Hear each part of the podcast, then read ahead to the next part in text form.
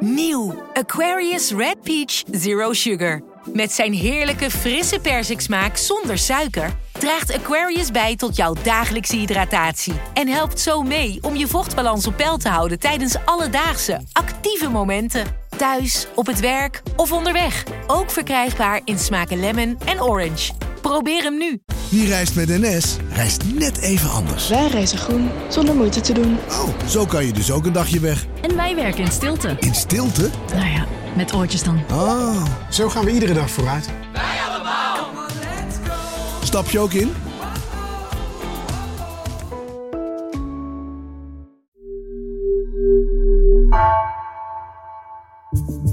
Vanaf de redactie van NRC het verhaal van vandaag. Mijn naam is Gabriella Ader.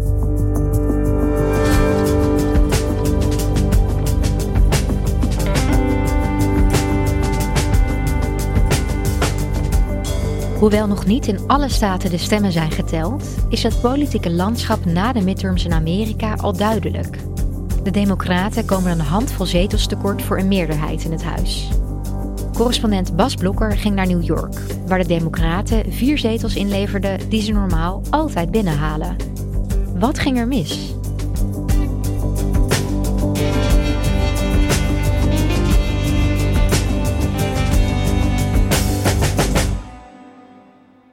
Was onlangs in Brooklyn, New York, in een klein cafeetje waar ik had afgesproken met Jessica Krustic. Exactly. You know, and that cost is, you know, you try to mitigate it as much as you can. Waar uh, de radio zo hard stond dat ik haar daarna toch nog eventjes heb gebeld om ook helder een paar vragen nog bij te stellen. Hello Jessica, how are you? I'm well. Good morning. How are you? Good morning. Jessica Krustic is een vrouw die een paar maanden geleden, een augustusochtend heel vroeg, met haar hond Moose ging wandelen in Prospect Park. We were in the park uh, at least four times a day. Um, and we have our regular routes and it takes about a half hour. En ze had er wel eens zwervers gezien, want daar wemelt het van in New Yorkse parken. En ook deze man die diezelfde ochtend bij het zogenoemde picnic house stond. Maar deze ochtend was hij wel heel agressief. Hij zat te schelden. Ze dacht, ik loop in een wijde cirkel om die man heen. En ze hield haar hond echt zo strak mogelijk bij zich. Maar die man was getriggerd toch door haar, door haar en de hond. En hij grist in zijn tas, hij pakt iets tevoorschijn, het gooit iets naar haar een bekertje. En het, later bleek dat urine te zijn. So he, he basically doused me and got moosed. Um, and at that point I realized I just wanted to get, you know, as far away from as possible. En hij kwam haar achterna met een, met een paaltje. En ze zei dat het zo'n paaltje was waarmee je bomen rechtop houdt. Dus dat zijn flinke palen. En hij liep haar achterna en hij dreigde. En wat een hond dan doet, dan gaat zijn baasje beschermen. Dus hij heeft die hond een map gegeven op zijn snuit. So we got to the top of the staircase and he hit Moose square in the face. Um, and Moose's body was turned because I was pulling him away. Nou, gelukkig kwamen er daarna andere mensen bij.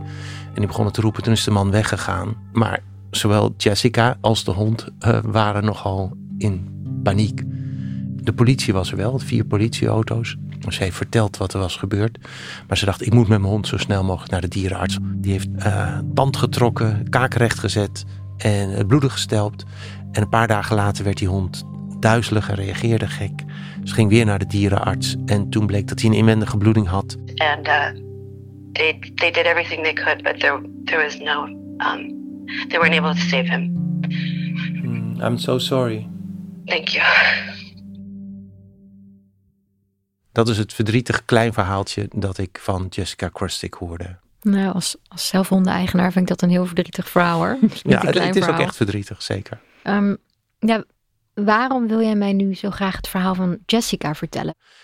Volgens mij, je kunt zeggen, dit is maar één vrouw die is aangevallen, één hond die is gedood, heel verdrietig, maar klein in een stad met elke dag moorden en, en uh, van alles en nog wat aan misdaad. Ik denk dat dit incident een licht laat schijnen op de uitslag van de verkiezingen van november in de staat New York, maar daarmee gek genoeg ook in heel Amerika. Want je had het net over die verkiezingen begin november in Amerika, de midtermverkiezingen. Hoe zijn die precies verlopen? Misschien moet ik beginnen met wat er was verwacht van die verkiezingen. Ja. Want dat, dat kleurt heel erg wat ik daarna vertel. Er was een zogenoemde red wave voorspeld. Hè. Rood is de kleur van de Republikeinen. En die rode golf is uitgebleven. Republicans were hoping for a red wave, which didn't really pan out. Like a red sprinkle. But I just want to step back again and just look at this map. Right? That's not a red wave. Uh, that's nothing like a red wave. Amerika heeft net zoals Europa, net zoals Nederland, erg veel last van, van een economische tegenwind. Iedereen denkt dan altijd aan de uitspraak in de tijd van Bill Clinton: It's the economy, stupid. Je wint en verliest verkiezingen met de economie. Gaat het goed, dan word je beloond. Gaat het slecht, dan word je gestraft. Ook als je nog het goede hebt aangeblazen, nog het slechte hebt veroorzaakt. We zitten met de nasleep van corona. We zitten met de onverwachte gebeurtenissen van Oekraïne. Precies zoals in Nederland, precies zoals in Europa. En de algemene verwachting in de aanloop naar de verkiezingen was: de Democraten gaan worden gestraft voor het feit dat hun president net op dit moment de president is. Ja, En verkeerde moment, verkeerde plek. ja, dat zou je kunnen zeggen. En wat je ook zag in de filmpjes die de Republikeinse kandidaten maakten, heel veel op Joe Biden is heel erg slecht. De Democraten doen het heel erg slecht. record inflation, endless spending, an economy in recession, open borders, and surging crime. That is the Biden legacy in just two years. They couldn't have done worse if they had planned to do worse. Toch is er iets op die verkiezingsdag gebeurd dat door opiniepeilers niet was voorspeld. Ze hadden bij die mensen dus gepeild van ja, we maken ons vooral zorgen over de economie. En uiteindelijk blijkt dat ze niet alleen met de economie in het achterhoofd hun stem hebben uitgebracht. Algemeen wordt gezegd dat de kandidaten die oud-president Donald Trump heeft gesteund, dat die zijn weggestemd bij deze verkiezingen. Nog meer dan dat er democraten zijn binnengestemd. Dat zijn vrij stevige bewijzen voor het feit dat de Amerikanen dachten, we zijn een beetje klaar misschien wel met de gekte altijd rond Donald Trump. Er is altijd gedoe. Het waren ook heel uitgesproken kandidaten als het ging om het ik erken nooit dat de verkiezingen van 2020 eh, geldig waren. Kortom, Het bleef grimmig en daar had de kiezer geen zin in. ja, die dachten ik wil best op een republikein stemmen, maar dan op een normale republikein. En de dynamiek van de Amerikaanse verkiezingen is nu eenmaal zo dat vaak de meest extreme kandidaat het binnen zijn partij goed doet bij de voorverkiezingen en dan het moeilijk krijgt bij de algemene verkiezingen, omdat het electoraat dan groter is dan alleen je eigen partij. Hebben we bij Trump niet gezien. Nou ja, Trump is uiteindelijk ook weggestemd. Met enorm veel stemmen, dat, dat, dat geef ik onmiddellijk toe, met veel meer dan we hadden verwacht. Maar hij is weggestemd. En zodoende heeft, zeg maar, Trump een belangrijke rol gespeeld in de niet zo grote winst van de Republikeinen.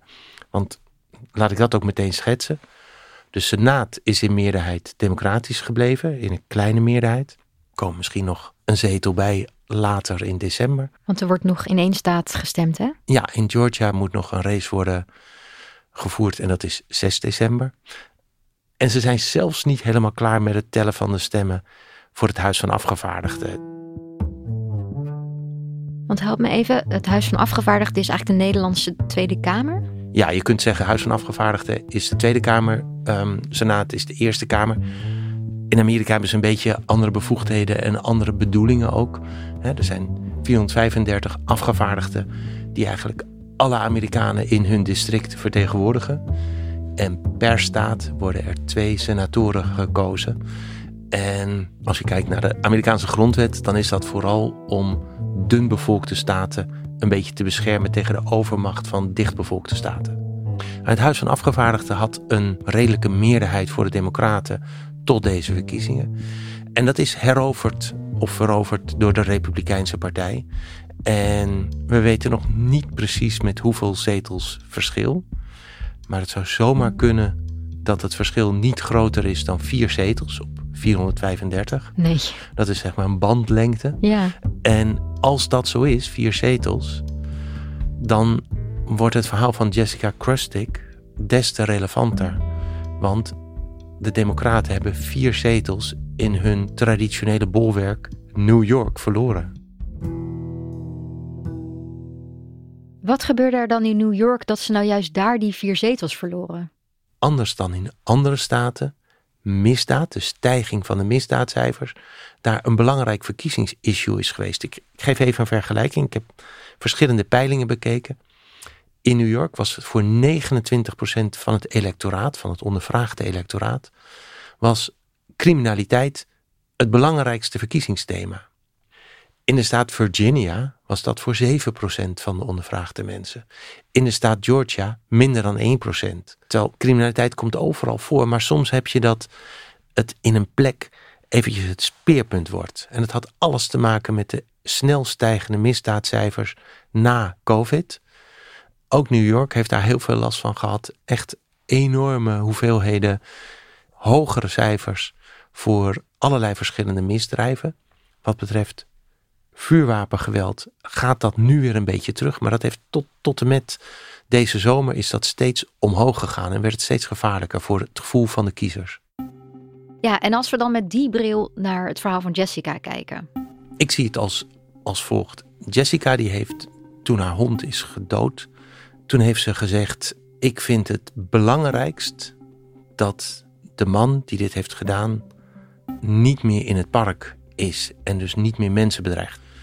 En de politie had aan Jessica Krustik gevraagd: Oké, we hebben hem niet kunnen arresteren de eerste keer dat jij uh, werd aangevallen.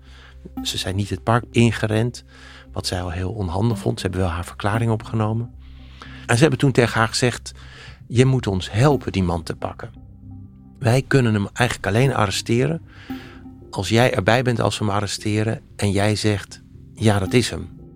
I was basically on a call um, and working desperately with the public that if they saw him, that I would come and, you know, uh, with the police and have him brought in. En op een dag belde dus een buurvrouw. Die zei: Ik loop nu in het park, Jessica. Ik zie hem. Ik hou hem in het vizier tot jij hier bent. En drie minuten later was Jessica daarbij en hield hem in het vizier. En belde ondertussen met en 911 en het districtsbureau en de brigadier en de agent. Het erge was dat de zwerver, laat ik hem zo maar noemen, haar natuurlijk in de gaten kreeg. Ja. Dus toen is ze weer achtervolgd door die man, weer met die paal. Um, and that's when he came out of um, uh, the, the stoop with the stick and, and chased me uh, full speed. I've never run so fast, and I was uh, literally screaming, um, "Help! Please help me!" at the top of my lungs, running down the street. Hij is weer niet aangehouden. Nee, dus ik kan me voorstellen dat, dat Jessica zo'n beetje alle, alle vertrouwen en geloof in de politie kwijtraakt hierdoor. Ja, ze is het vertrouwen in de politie kwijt. En zij is daarna naar haar volksvertegenwoordigers gegaan. Eerst in haar wijk, toen die van haar district en tenslotte de burgemeester van New York, Eric Adams.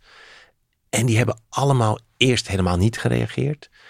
En hebben pas mailtjes gestuurd, contact gezocht, nadat ze alle pers in alle staten had gekregen. It took a little bit of public shaming to get her to um, respond, to be frank. Um, and then, and by that I mean I don't, you know, a, a lot of public shaming. En daarna nog is hun reactie lauw gebleven, vindt Jessica Krustik. Ze zijn niet komen kijken, ze hebben niet een gesprek met haar gevoerd van hoe kunnen we dit aanpakken. Het was duidelijk schade beperken. It's been astonishing that I've had to push so hard to just get um, people to respond when it, it, you know, again, from anybody's perspective, it seems like it would have been a good PR move. Just um, if you want to take my situation completely out of it, my feelings about the whole thing, if you were to, you know, look at it uh, in the lens of a politician, yes, it, it makes no sense at all. En je vroeg me, maar wat heeft het nou met de verkiezingen te maken? Kijk, de stad New York is democratisch gebleven. Ja, zoals En- altijd hè? Zoals altijd. Ja, daar, daar komt eigenlijk een republikein niet tussen. Maar in de staat New York, ook van ouds toch een democratisch bolwerk. In die staat hebben de democraten vier zetels verspeeld, waarvan eigenlijk de meeste gewoon zekerheidjes waren. Die hadden ze in normale omstandigheden kunnen behouden. Hè, en als je nou ziet dat in het hele land de democraten het eigenlijk redelijk goed hun fort hebben kunnen houden, dan zijn die vier zetels in de staat New York heel opmerkelijk. En iemand als Jessica, was zij hiervoor wel een democratenstemmer en heeft ze nu niet op de democraten gestemd? Voor Jessica Krustic heeft dit niet de doorslag gegeven om dan maar op een republikein te stemmen. Zij is geen geregistreerde democraat, dus ze is altijd vrij om te kiezen wat ze wil. En ze stemt altijd op de democratische kandidaat. Maar haar verhaal is in allerlei Amerikaanse media gekomen. Zeg maar de linkse, tussen aanhalingstekens, New York Times.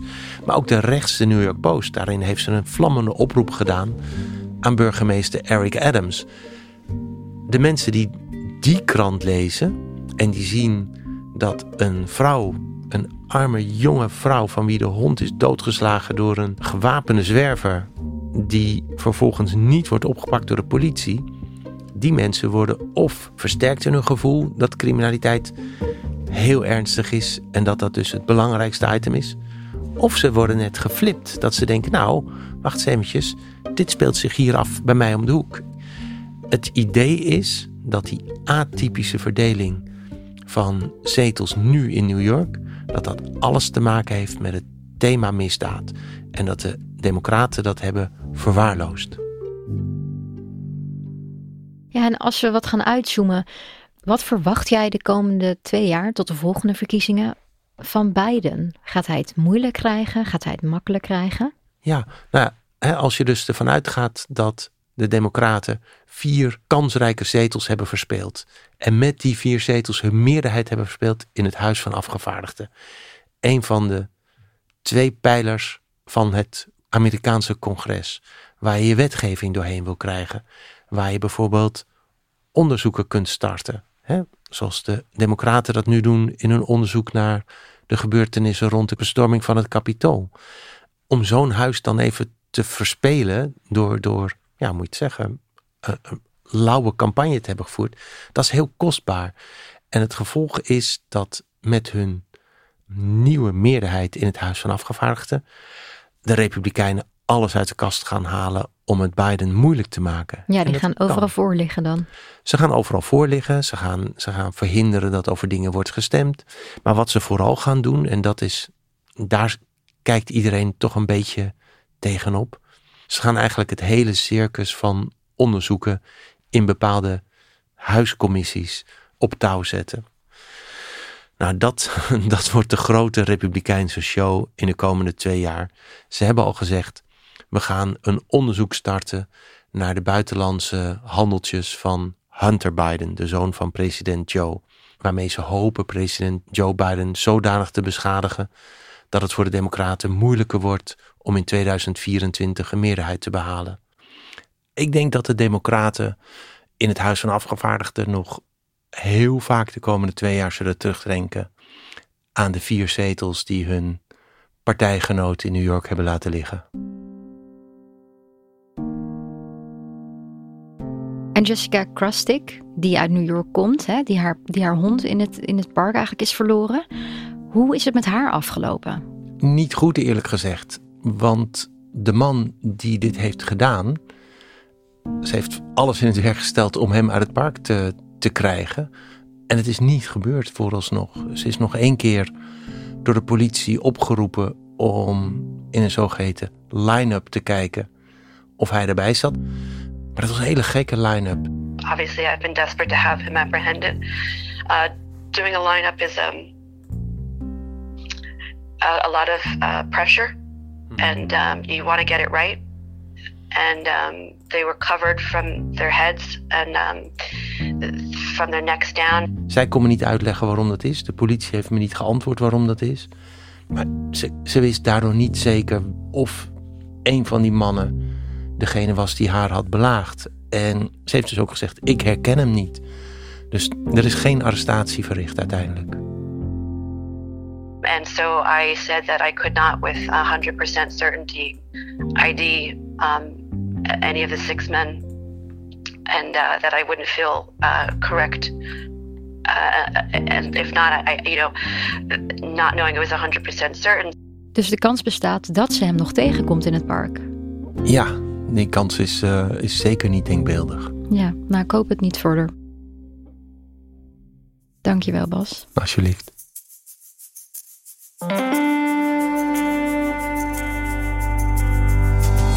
Je luisterde naar vandaag, een podcast van NRC. Eén verhaal, elke dag. Deze aflevering werd gemaakt door Iris Verhulsdonk, Miele Marie Bleeksma en Marco Raaphorst. Dit was vandaag, maandag weer.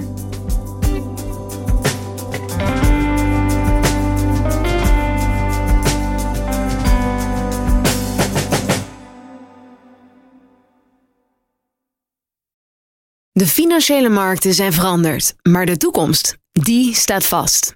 We zijn in transitie naar een klimaatneutrale economie. Dit biedt een van de grootste investeringskansen van onze generatie. Een kans voor u om mee te groeien met de pioniers van morgen.